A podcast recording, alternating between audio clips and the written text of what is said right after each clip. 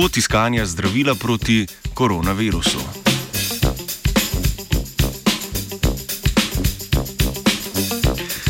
Koronavirus že vsem pošteno odzvanja v šestih. Znanstveniki in znanstvenice po svetu raziskujejo načine, kako bi ga ustavili. V nedavno objavljeni raziskavi v reviji Cell so morda na dobri poti, saj so preverili nekatere pomembne podrobnosti med virusom SARS in novim koronavirusom.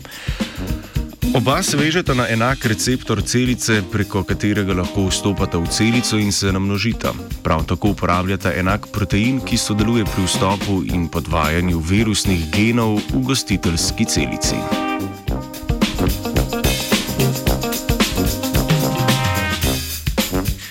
SARS se okrašava za Severe Acute Respiratory Syndrome in smo prvič pogosteje slišali leta 2003, ko je virus prvič izbruhnil na kitajskem.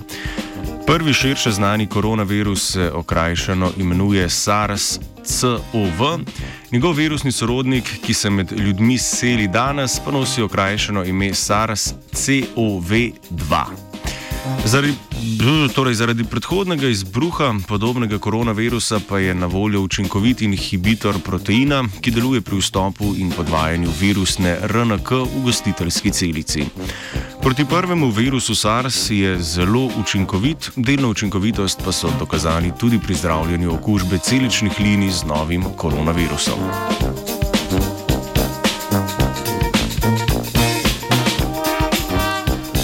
Vezava virusa na celice poteka preko membranskega proteina ACE2 na gostiteljski celici.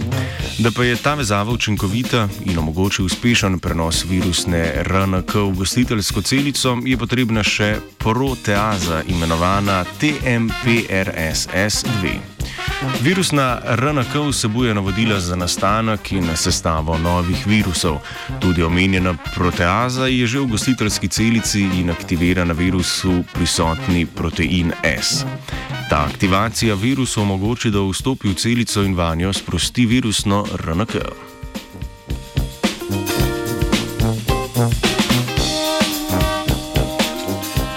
Inhibitor proteaze, ki je že klinično preverjen na primeru prvega virusa SARS, deluje prav na to aktivacijo.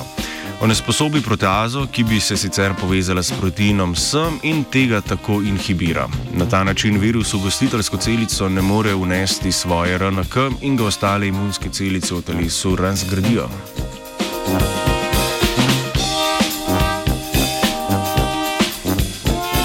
Načelu inhibicije proteina S oziroma S deluje tudi naravna sinteza proti telesu telesnem obolelega. Na primeru prvega SARS koronavirusa so že pokazali, da so proti telesa, ki jo ne sposobijo protein S, v obolelih prisotna tudi še 24 mesecev po preboleli okužbi z virusom. Tako sta trenutno najbolj obetavni dve smeri razvoja cepiva.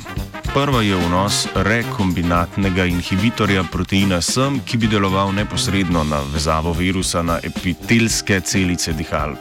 Drugi način pa je vnos oslabljenega koronavirusa, ki bi v telesu spodbudil lastno proizvodnjo protiteles, ki bi inhibirala protein S.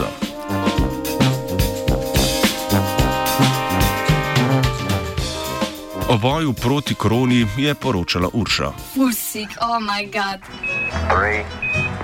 two.